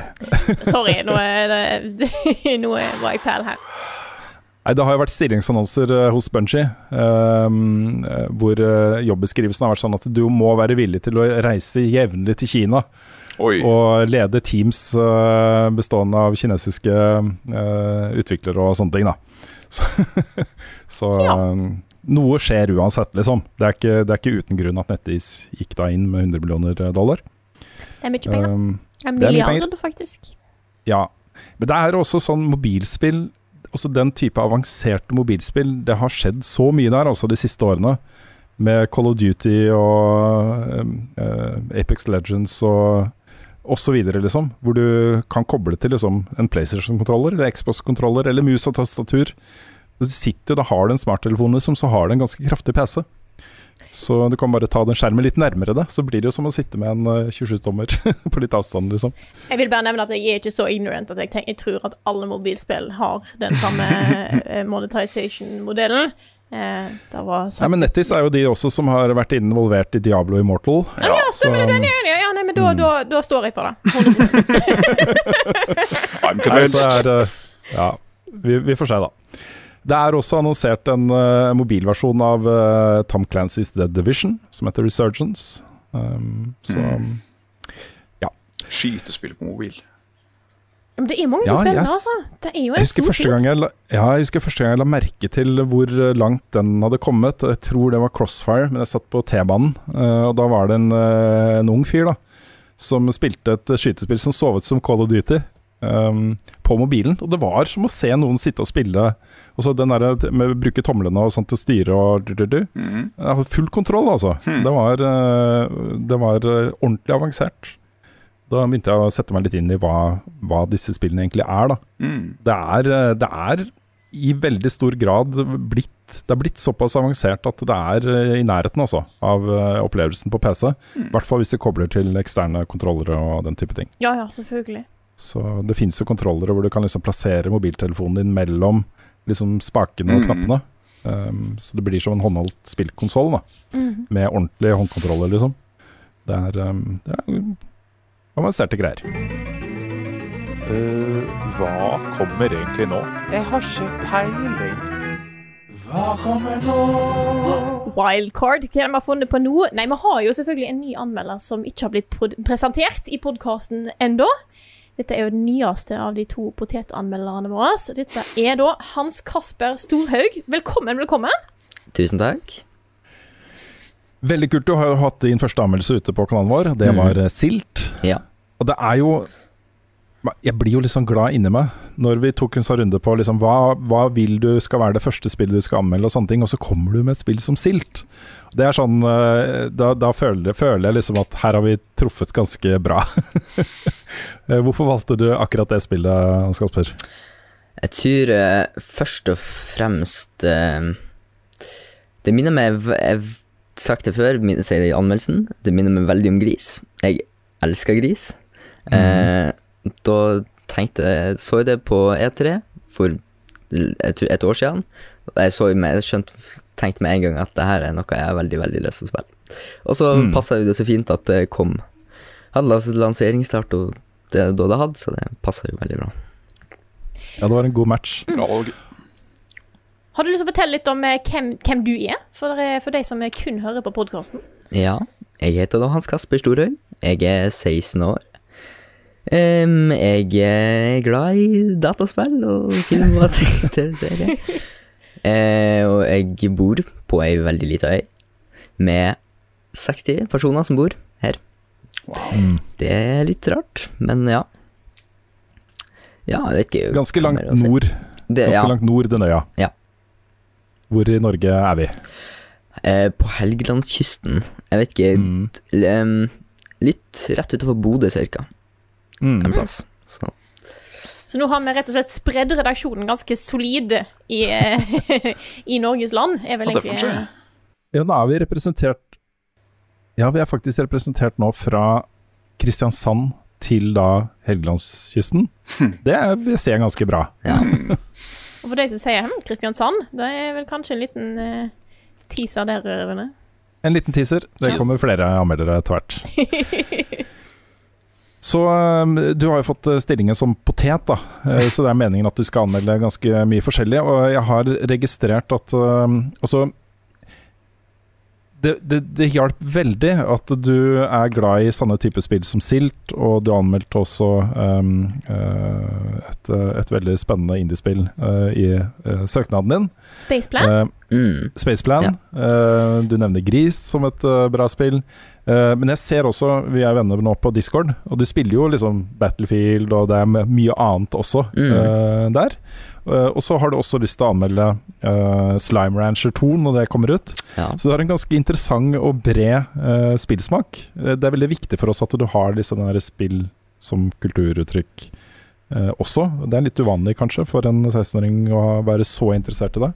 Eh, men den bredden uh, syns jeg er veldig spennende også. Kan du si litt om liksom, spillsmaken din generelt? Ja, det er jo egentlig veldig masse Som sagt, det, altså Små indiespill kommer ut, ser interessant ut, spiller det gjerne. Og så mer som sånn hobbyspill, så har jeg typ Battlefield og COD og sånn. Eh, Ja, det, det Jeg har liksom Uansett hva spillet er for noe, hvis jeg syns det ser interessant ut, så tar jeg en titt. Jeg vil òg ta opp en liten eh, en, en, en post som jeg fant fra, i communityet vårt fra november i 2021. Der du skriver at du har runda Hollow, eh, Hollow Night uten å dø en eneste gang. Holy shit. Ja, det gjorde jeg. Syke, syke kar. Ja. Det, det var også sånn jeg ikke Jeg vet ikke helt hvordan det skjedde, egentlig. Jeg tror jeg bare spilte Hollow Night, prøvde å spille på nytt en gang, og så Oi, og så så jeg at eh, Jeg klarte jo å komme ganske langt nå uten å dø, og så tenkte jeg hadde ikke vært artig å prøve da. Prøvde gjort det uten å dø, og det tok Jeg tror det tok ikke mer enn en sånn to forsøk. Det er dedikasjon. Respekt. Ja. Ja. Eh, Kanskje vi har fått en eh, ny konkurrent til eh, de overmenneskelige kvalitetene til Nick der. Tja. Har du sett noe på den serien forresten? Hollow Nick? Ja. Hvordan, han, eh, hvordan han studerer og tilpasser seg til bosser og sånt. Hva Ja, syns du om han, det er jo helt sykt hvor flink han er. For første gang jeg spiller Hollow Knight, så Bare de sånn tre-fire første bossene døde jo sikkert sånn 30 Kanskje ikke 30, det var litt vel masse, men sånn 10-15 ganger på noen av dem. Men ja, jeg tror det Ja, at han klarer det så fort, det er helt sykt. Jeg tror Nick må være en alien eller en cyborg. Ja. Et menneske kan ikke være så gifta som han. Vi hørte det her først. Ja. Nick er en alien. Nick er en alien. Um, jeg har også blitt veldig glad i, i pennen din. Jeg, det er sånne ting som jeg er litt opptatt av. Også, det virker som om du um, altså du, Det virker ikke som Du er veldig flink til å sette ord på um, opplevelsen din av å spille et spill. Jeg likte så godt at din anmeldelse er på en måte Den skiller seg ganske klart fra um, Leander sin, som er litt mer sånn uh, uh, kortfilm-sketsjbasert. Uh, du er mer sånn Det er viktig for deg å formulere deg liksom korrekt og beskrive spillet på en god måte og komme litt i dybden på det på den måten. Er det litt den retningen du ønsker å liksom gå som anmelder også? Altså litt mer sånn i essay-retning, kanskje? Jeg tror det. Jeg tror det også har litt på å si hva eh, spillet er for noe. For Silt er jo veldig sånn Den type stil av anmeldelse føler jeg passer veldig godt for eh, et sånn type spill. Mm. Så hvis jeg kommer til å anmelde Slime 2, for eksempel Det er ikke sikkert det blir å gå helt sammen, men jeg, ja, det blir, blir å prøve på noe Ja, jeg vet ikke helt. Nei, du er i hvert fall ung. eh, et supertalent som vi er ekstremt glad for har eh, kommet inn i redaksjonen vår. Tusen takk. Syns allerede du har liksom prega den eh, eh, betraktelig da, med det du har levert. Eh, jeg må jo si at jeg gleder meg veldig til å se, eh, se utviklingen din framover. Eh, det er jo flere av de som har kommet inn i Level Up som har liksom utvikla seg masse bare de første to, tre, fire årene, og fortsetter å utvikle seg. Mm. Og um, eh, potensialet ditt altså, Hans Kasper. Det er eh, Jeg blir så glad av å finne folk som har det potensialet du har. Så, så dette her blir eh, superspennende også. Jeg gleder meg veldig til fortsettelsen. Takk. Ja, da, var, da vi Veldig. så eh, søknaden din, så var vi ganske klare ganske fort på at eh, dette var en vi måtte få inn. Og Mm. jeg vil, eh, for dere som ikke har um, sett eh, både eh, introvideoen og anmeldelsen til Hans Kasper, så ligger den på kanalen. Jeg, og jeg vil si eh, introvideoen din er amazing. Det lo jeg høyt opp til flere ganger. Den, den, den trehjulssykkelen din, den er, det er helt Den- perfekt. Det var no joke noe av det skumleste jeg har gjort i hele mitt liv. Ja, det tror jeg på. Det, det, ser, det ser veldig fort ut, men når du sitter på den og ferdig bakke, det er helt sykt fort, og du sitter på en sånn plastikktegn som føles ut som den kommer til å dette ifra hverandre. Det var Som ikke har bremse heller, sikkert. Nei. det var Det var skummelt. Men må- Helst ikke risikere liv og lemmer for det innholdet du skal lage til oss uh, igjen. men, uh, men det kommer da flere anmeldelser fra deg utover høsten, altså, så det Mm. blir kjempebra. Så egentlig bare velkommen til oss, Hans Kasper. Dette her uh, kommer til å bli eh, fantastisk. Jo, takk. Hva er dines best, hvordan fredag sist har Carl egentlig sopp? Ukens spørsmål. Det første spørsmålet vi skal svare på i dag, er fra Andreas Antbro, som skriver Dersom alt av lootboxes og annen form for gambling blir forbudt, hva er neste steg for free to play-spill? Loading-skjermer bytta ut med 15 sekunder ønskepåbord-reklame? Eller blir free to play en ting for fortida? Veldig relevant spørsmål. ja, som jeg, som jeg nevnte tidligere i stad, at eh, jeg husker jo fortsatt den tida når eh, du kunne betale en engangssum for et spill, og så var det det. Ja, ikke sant?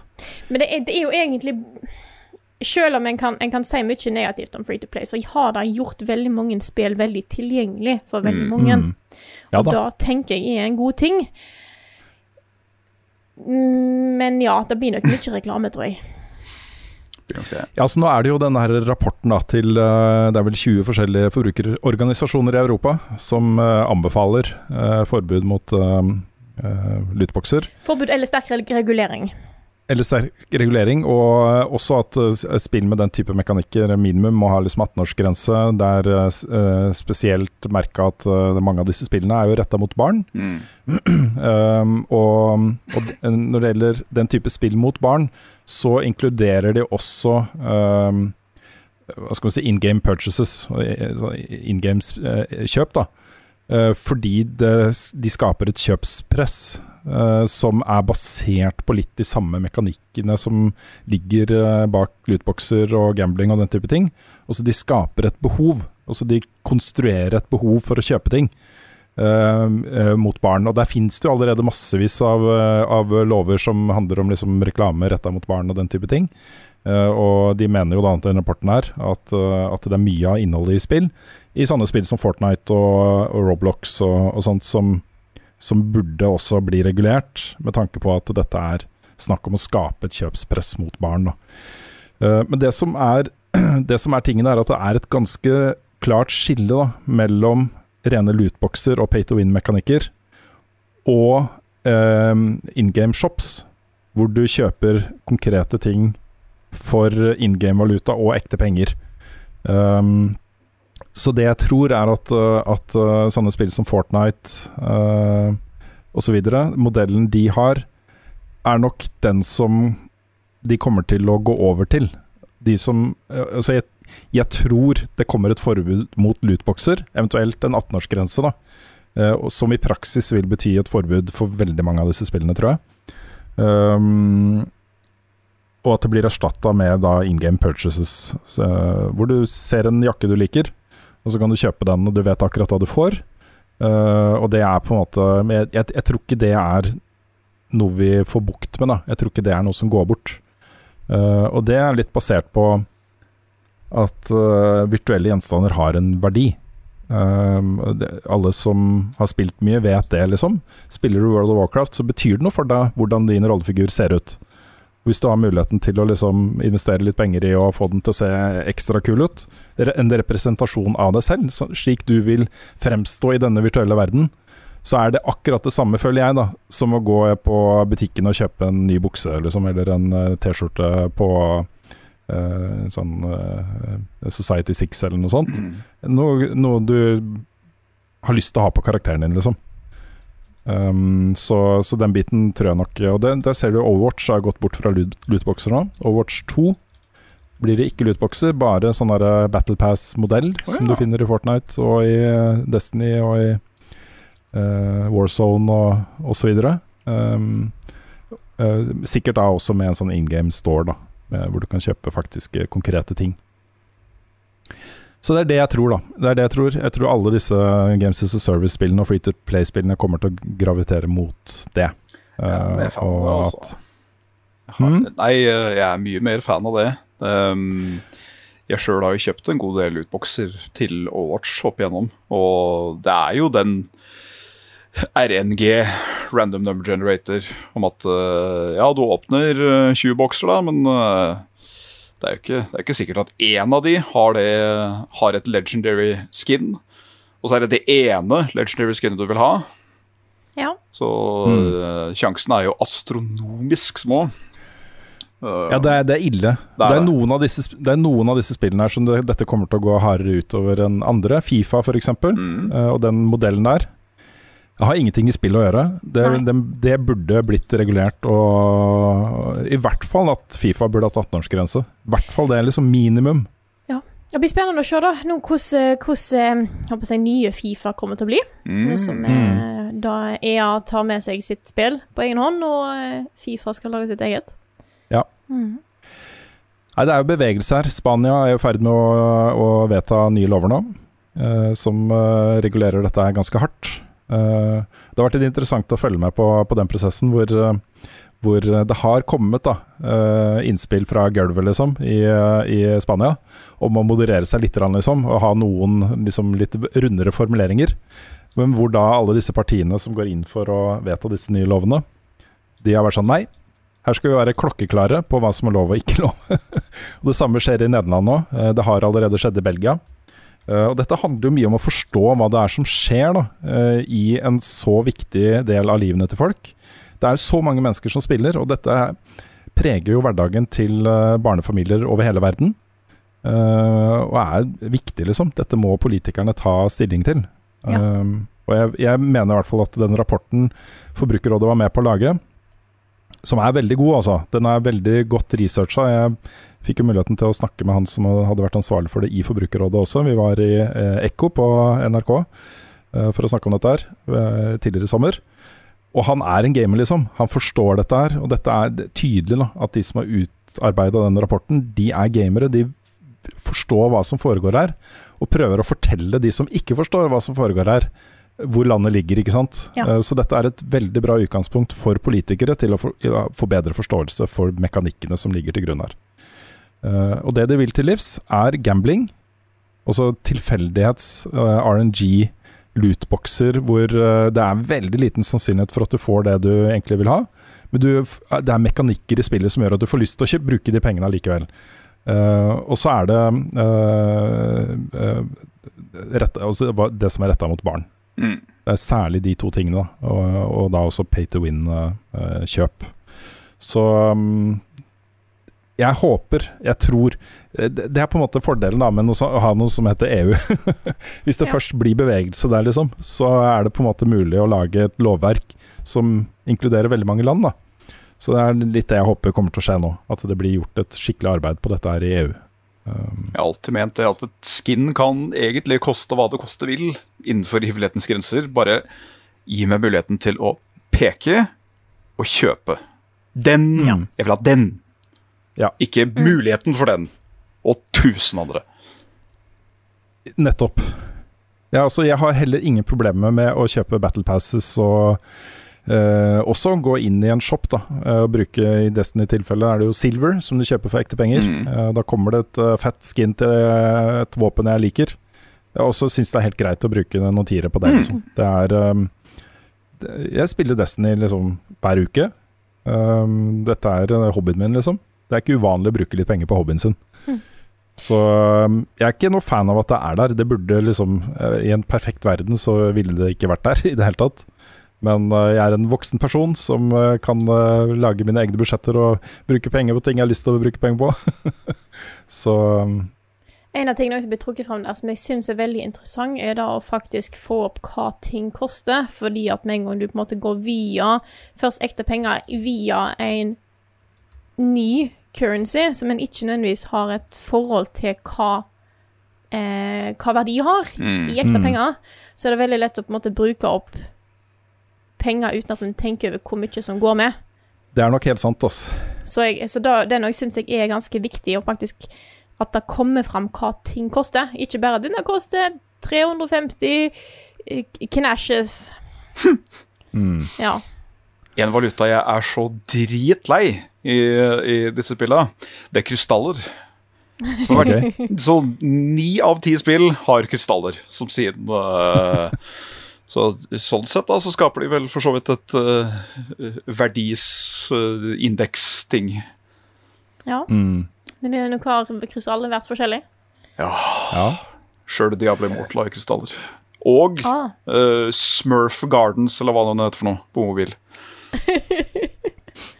Ja, vi litt, Jeg snakka litt om den der Text or Die-spillene. Det finnes jo en million En million av de spillene med den modellen, hvor på en måte hele formålet er målet med spillet er å få deg til å se reklame. Det er ganske problematisk, altså. Eh, og jeg har ikke vært eh, Jeg tror ikke jeg har reflektert nok. Fordi ungene får jo spille mobilspill. Eh, og de spillene de får spille, er jo gjerne gratis.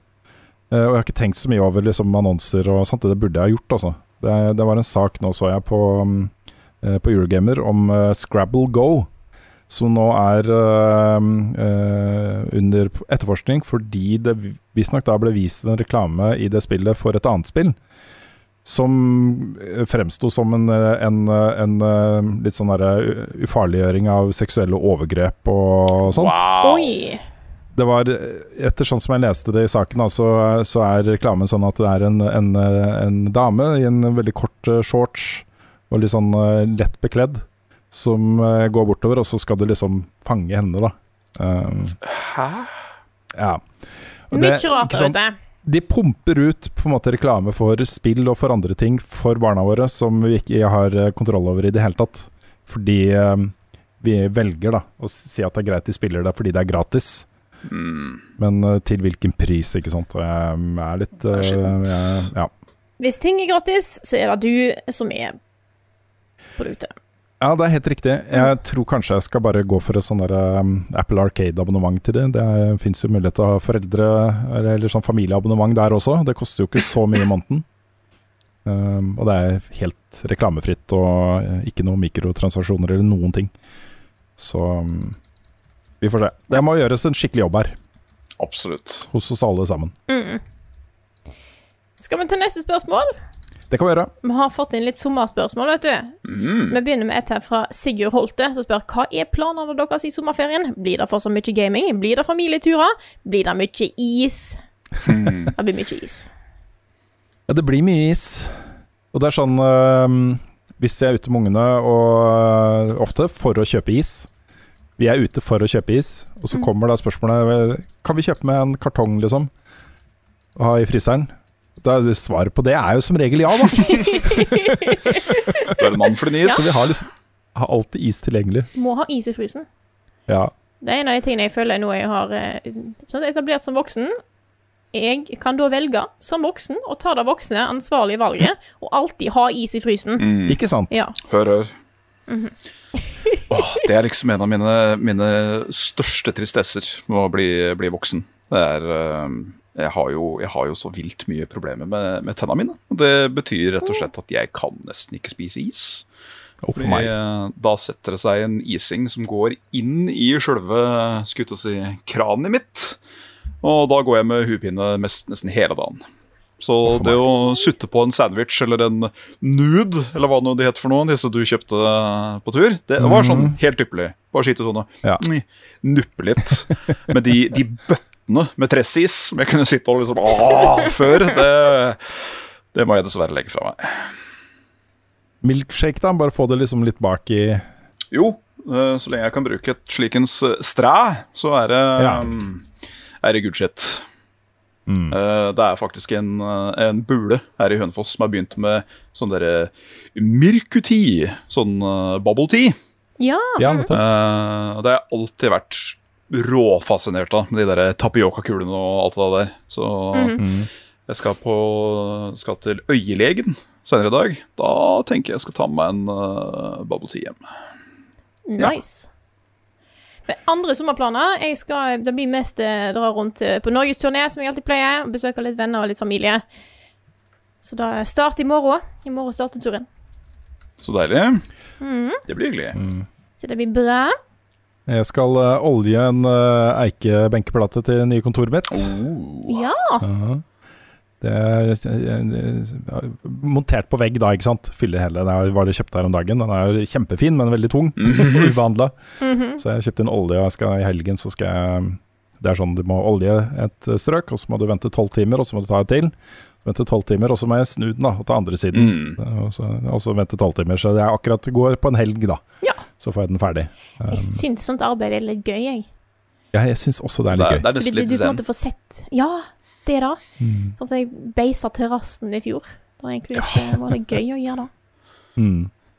Det her blir også så fett. Nå sier det at første uka i august starter de å henge ting på veggene. Så skal det opp to skjermer inne på kontoret mitt. Det skal opp en eh, TV i stua og en TV på soverommet vårt. Mhm. Um, vi skal liksom henge opp eh, TV-benken uh, og ting og tang, liksom. Så kommer uh, eh, Hva heter det? Ve- Ja. Sengegavlen. mm Sengegavlen Mhm. kommer opp. Og så kan vi flytte inn da uka etter. Så Mm. andre uka i august så er vi inne i den nye- nye leiligheten vår. Soon-tem. Ja, så er, sommeren er jo mye det, da. Vi har bestilt liksom lamper og ting som kommer inn, og vi må plassere det her, og vi må opp og fikse ting og bla, bla, bla, liksom. Men uh, det blir kanskje en uh, tur til Vestlandet, Stavanger, um, etter hvert. Uh, kanskje en tur til til Sverige. Besøke søstera mi og hennes fine familie. Å, så koselig. Mm, men det blir jo ikke noe utenlandstur og sånt, da. Det sparer vi til litt seinere. Så jeg skal eh, til Syden eh, med ungene til, i høstferien. Å, så koselig. Mm. Nei, det blir ikke noe utenlandstur på meg eh, heller. Det blir, det blir Norge, men vi skal jo innom Vi skal jo til Vestlandet, Stord, og hytta vår på Tysnes. Fy fader. Jeg gleder meg bare til å fiske. Bare liksom bare være i en båt og fiske. Å, Mm. det blir fint. Jeg hadde jo egentlig tenkt meg en tur til Vive le France. Eh, men uh, bestemmer meg for å gjøre det neste år isteden. For der er venninne jeg skal besøke. Og neste år skal gifte seg. Aha. Så da tenker jeg at uh, ja, men da dukker jeg opp for det isteden. jeg. Mm. Det er Ja, jo det er hyggelig. Det er jo veldig kos. Ellers så er jo planen min bank i bordet og ikke ha noen plan. Uh, Ja. mm -hmm. Som du toucha på så vidt i introen, eh, Rune. Med at uh, Litt røff periode, fordi jeg lider av ganske kraftig insomnia. Og trenger rett og slett uh, Jeg, jeg stirra på lamper, jeg har prøvd å telle sau. Jeg har til og med prøvd å skyte sauene når jeg gikk lei. Uh, men liksom I- ikke Fiktivt. ja, fiktivt. Ja. Men uh, var ganske messy, ja. Var kanskje det som var problemet, at det ble for underholdende. Uh, eh, og ja, eh, da må jeg ha meds, men når det ikke er å oppdrive, så blir det litt tråkig. Så siden, eh, siden den Summer Game-greia, så har jeg jo knapt sovet. Og det merkes på alt som heter produktivitet og overskudd og hele pakka. Mm. Eh, så det blir å få det på plass igjen, og så blir det å jobbe ganske mye. Ikke noe ferie på denne gutten. Mm. Men det gleder jeg meg ikke til. Jeg håper ting eh, får eh, kommet seg mer i balanse. Ja, jeg skal Jeg har eh, en fucking shoppingsliste med, med stæsj som jeg skal kjøpe på apoteket etterpå. Så, og pluss at jeg skal til øyelegen, så i, dette blir dyrt for helsa, men Ja. Og med apoteket så mener du faktisk apoteket, ikke han duden med frakk som uh, henger bak i det smuget i Hønefoss. Ikke, ikke han. Ikke denne gangen. Nei. Eh, så det, um, det blir bra. Uh, jeg har eh, ja, det, er, det er som er så surt, da. For det har liksom har ikke noe, ikke noe driv. Selv om jeg går rundt og bare tripper for å fullføre egentlig et hel eh, backlog med prosjekter som jeg har uh, Mm. jobba som saktens med. Men så er det liksom åh, Det å reise seg opp av senga i dag. Orker jeg det? Så det blir, det blir godt med litt overskudd igjen. Mm. Da håper jeg, at, eh, håper jeg virkelig at det ordner seg. Jeg unner Ja. deg en god natts søvn. Jo, tusen takk. Det må ordne seg, Svendsen. Det er en, eh, det er en dosering på én til fire, og det, det blir nok fire i natt, ja. Ja. Det tror jeg. I'm gone.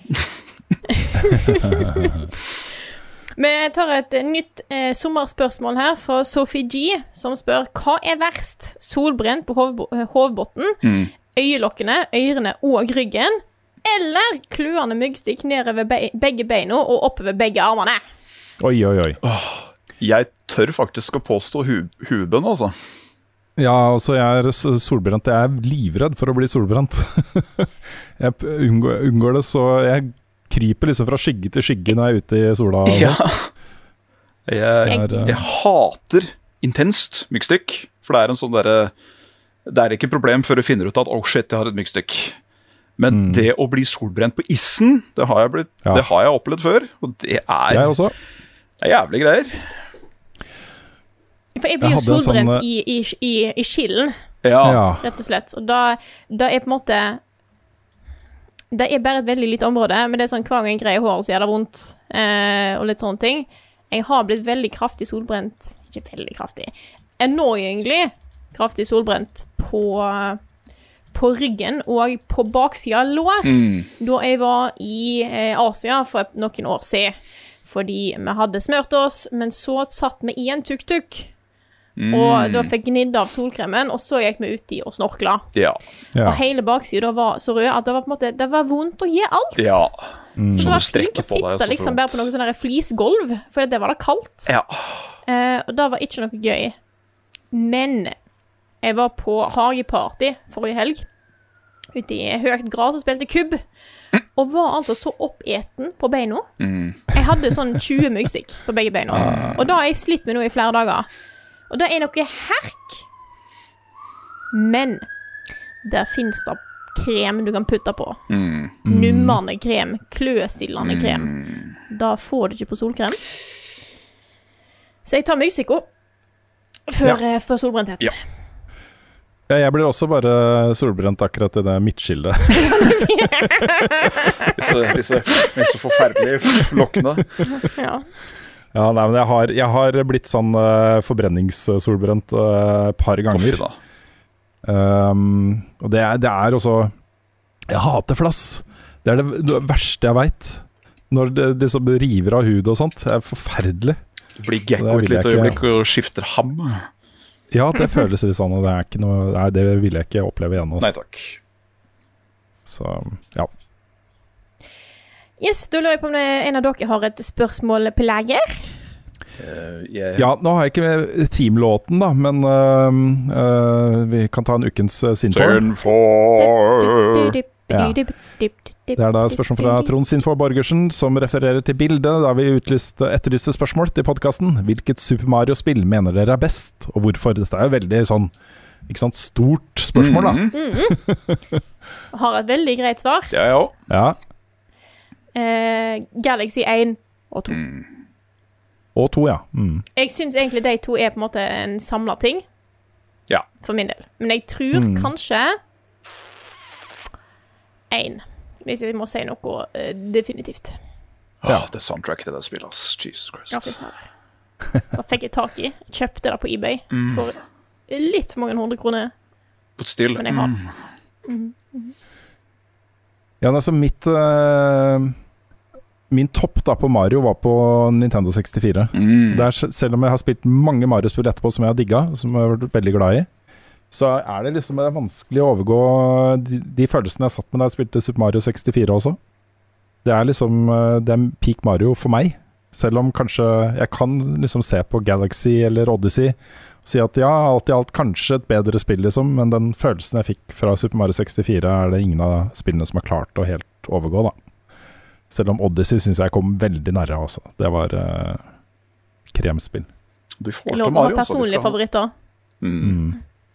Jeg blei vel dritlei de der New Super Mario Bros etter hvert, det skal jeg være helt ærlig å si. Men uh, Ja. når, de, når de slår på stortromma og prøver å gjøre noe halvoriginalt med Mario, da får de som regel det til, altså. Mm. Det da. Jeg syns jo egentlig Sunshine òg var ganske gøy.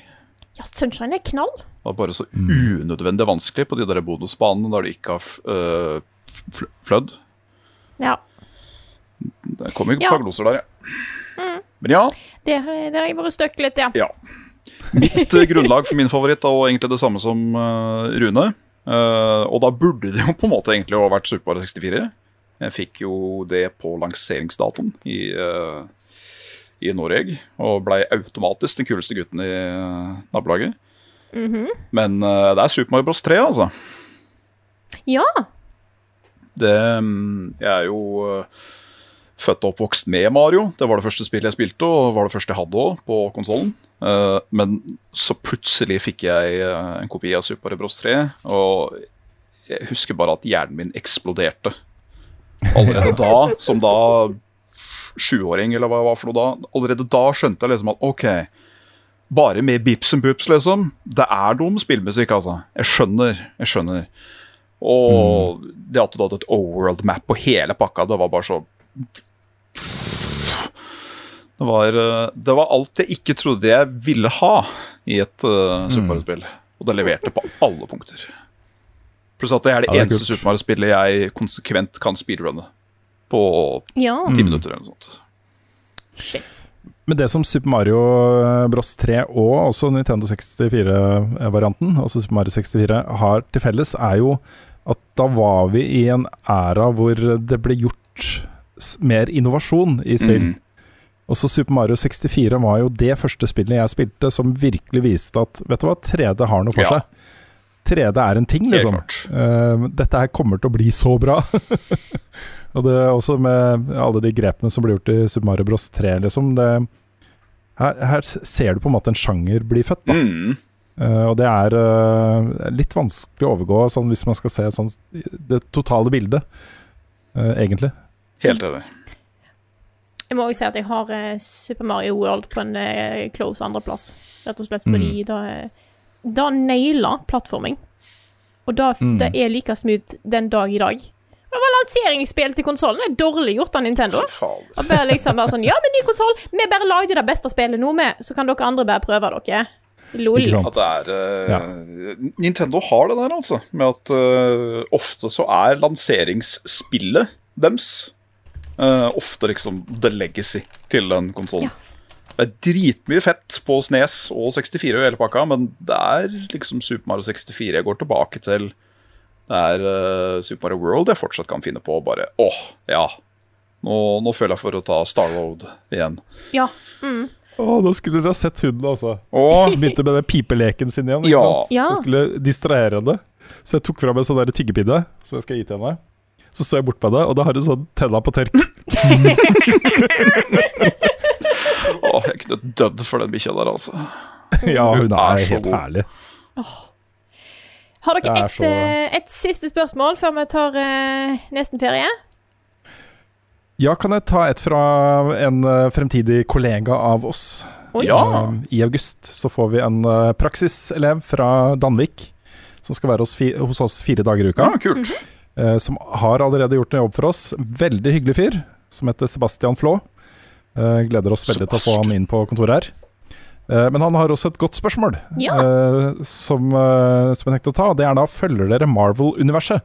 Noen tanker om fase fire så langt? Jeg syns det er et relevant spørsmål. Fordi fase fire føler jeg foreløpig er litt rotete. Altså det er litt sånn eh, det, Har ikke helt fått tak i hvor det bærer og den type ting. da det er mange av de um, tingene som, som uh, vi venter på som da ikke har kommet ennå, sånn Thor-filmen f.eks. Det kommer nå. Uh, men også Guardians of the Galaxy 3 er på vei. Um, knull is coming. Knull is coming. Ja. Så, så jeg er ikke helt på plass ennå. Jeg så, um, jeg så nylig uh, Doctor Strange-filmen. um, uh, jeg syns jo også uh, Spiderman var veldig bra. Uh, men sånn Det overbyggende det er liksom, jeg, jeg ser ikke at dette her kan ende i en sånn type uh, endgame, Infinity War, Mm. ennå. Uh, og det håper jeg de klarer, da. Fordi uh, altså Infinity War og Endgame er jo liksom det beste Marvel har gjort, syns jeg. da Mm. Særlig Endgame. For et uh, magepunch av en filmopplevelse oh, det var. Jeg har falt litt av, jeg. Må jeg innrømme. Det er, det er Jeg falt av midt i den eh, forrige, forrige acten òg, eh, og måtte på en måte ta igjen alt, fordi at jeg har ikke tid til å se alt. Og da er på en måte eh, Jeg mer har merka det her, og jeg merker det med, med alle disse Star Wars-seriene og filmene, at med en gang det på en måte Først kommer det én, og så mister jeg den, og så mister jeg også den neste, så blir det sånn Å, men nå har jeg så mye å ta igjen, og så kommer jeg ikke inn igjen. Mm. Så jeg har ikke sett noe jeg siden, uh, siden Endgame, må jeg innrømme. Jeg Nei. vet jeg har gått glipp av masse, men det er, det er noen følelser som er en litt for stor vegg å, å ta det igjen. Det er mye. Det som er litt interessant, er at det, beste Marvel har gjort da uh, siste året, er jo uh, WandaVision og Loke-TV-serien. De to er kruttsterke, altså. Kjempebra. Um, også, jeg har ikke sett ferdig Moon Knight, men den starta i hvert fall veldig veldig bra. da Så det virker på meg som om det, på en måte, det, beste innholdet der er på TV. Også um, Hva heter det? Nighthawk? Nei, han uh, Hawkeye? Pil og bue. Hawkeye. Hawkeye-TV-serien, også god. Um, så um, Så jeg er fortsatt med, altså. Jeg ser uh, det meste. Uh, men uh, litt foreløpig litt sånn formløst hva de vil. Mm. Hvor, hvor vil de? Mm. Mm.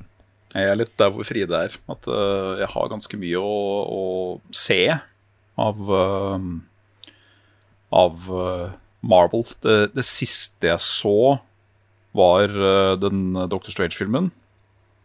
Mm. Uh, og før der igjen så var det siste jeg så, var Endgame. ja, nettopp. er, uh, Ja, der er det mye, mye, me- mye mellom der. et ganske altså. stort hull. Så det var jo noen referanser i Strange jeg bare fløy rett over huet på. Det er Ja. greit, for det var, eh, det, var, det var visual porn på sitt beste, tør jeg påstå. Det var, der hadde eh, special effects-guyen en field, day. Ja, men det er sånn, akkurat den filmen det er sånn, Der burde du ha sett WandaVision først. Ja. Det, det, de er så tett knytta. Men også for så vidt det siste Spiderman-filmen. Men uh, i hvert fall WandaVision. Ja. Men isolert, da, da kan jeg si da at isolert sett så var det en uh, ganske fornøyelig film. Mm. Og så er det en scene i den filmen som minner meg Altså, både jeg og Carl snur oss på hverandre og sier åh, Bloodborne. Ja, det er sant. Det er en setting der som er eh, ganske drøy. Jeg syns det var så kult å se Bruce Campbell. Jeg, da, Ja. den, uh, Sam Raimi har jo liksom eh, for vane å bare plassere han i kule sånne cameos. Det er helt det var herlig cameo. Han har liksom blitt en Ja, ny Stanley, sånn sett. Ja, ikke sant? Nei, jeg fikk lyst til å se Evil Dead-filmer. Oh. Shop smart, shop er smart. Mm. Mm. This is my boomstick! Hail to the king, baby. Ja. Men da lurer jeg på om vi skal ta en runde av. Vi har, eh, Let's do it. så vi, vi har nemlig litt ekstra podkaster vi skal spille inn nå etterpå. Vi som det. kommer Ja, kan vi ikke tease, tease det litt? Ja. For nå skal da vi tre skal gjøre den umulige oppgaven. Ja. Å kåre, for nå har vi kåra de beste TV-seriene, de beste filmene. Har vi det? Har vi film? Ja, har vi ikke film? Vi fikk en kommentar på det. At de, de, var, de var usikre på om vi hadde tatt film. Mm. Hvis vi ikke har tatt film, så må vi gjøre det. Fuck. Ja, det står. Kanskje ikke nå, da, for da må vi forberede oss litt. ja. Men uh, vi skal kåre de, våre ti favorittalbum. Yes. Uh, og Carl får ikke være med. For han uh, hører mest på spillmusikk, men kanskje han gjør noe eget på det da, etter hvert. Jeg skal si Så- at uh, jeg har litt samme problemet, men det gikk. Ja. Ja. Det, Det, jeg mener jo det hadde jo vært lov da å ha med et uh, spilt soundtrack i den lista her. Da er litt seint å si noe! Nei, men også, Det er jo album. Det er mange spilt soundtracks som Ja. havner på vinyl og Spotify og Absolutt. Det, for meg så er det på en måte Jeg, jeg må separere det, hvis ikke så blir det Ja. Ja. Så jeg, jeg, jeg tok den separasjonen, så får jeg heller, får heller ta for den senere. lista er ikke lett, den heller, altså. Å lage topp ti spillmusikk. Ja. Så i hvert fall, eh, det blir album, eh, topp ti-album fra oss eh, tre som kommer i hvert fall de neste ukene. Mhm. Så da Mhm. er det bare til å se fram til. Mhm. Og ellers så Ja, kan ønske dere god sommer etter spillen. Dette her er Level Backup utgitt av moderne media. Låten i introen og outroen er skrevet av Ole Sønnik Larsen og arrangert og framført av Kyoshu Orkestra. Vignettene er lagd av fantastiske Martin Herfjord. Du finner mye mer innhold fra oss på youtube.com slash levelupnord og twitch.tv slash levelupnord, så hopp inn der om det er noe om du ikke har fått med deg det nyeste vi har gjort. Det ligger tilgjengelig der. Bli òg med på discorden vår, discord.gg slash levelupnorge. Og vi har en shop, levelupnorge.myspreadshop.no. Og støtt oss gjerne på patreon.com slash levelupnorge hvis du har lyst til å støtte det vi gjør, eh, og like innholdet vi lager, og har lyst til å betale en liten eh, sum for det. Så tusen takk til alle, så dere, alle dere som gir det. Dere er, dere er fantastiske folk. Mwah. Ja, så eh, hadde, vi- hadde det ikke vært for dere fantastiske folka, så hadde vi vært konkurs for lenge siden. Ja. Så eh, det er livsviktig for oss. De, de inntektene der er, det er grunnen til at vi eksisterer. Mm. Og det er det fortsatt. Mm. Selv om vi har fått eh, nye folk inn på eiersiden og, og sånne ting. Så, så eh, det er en del av økonomien vår fortsatt. Møksløv. Og med det så vil jeg ønske dere alle sammen god sommer. Vi snakkes likevel på en måte neste uke, så eh, dere er ikke si, Dere er ikke uten innhold fra oss framover. Men nå tar vi i hvert fall med eh, litt ferie fra den vanlige podkasten. Så god sommer, alle sammen. Og så snakkes vi etter ferien. Ha det!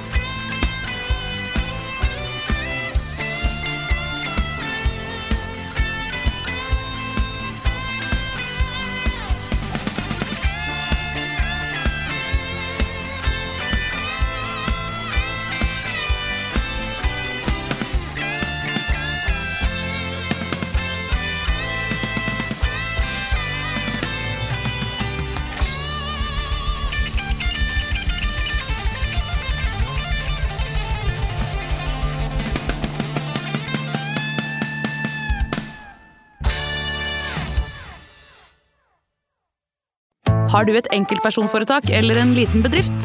Da er du sikkert lei av å høre meg snakke om hvor enkelt det er med kvitteringer og bilag i fiken, så vi eh, gir oss her, vi. Fordi vi liker enkelt. Fiken superenkelt regnskap.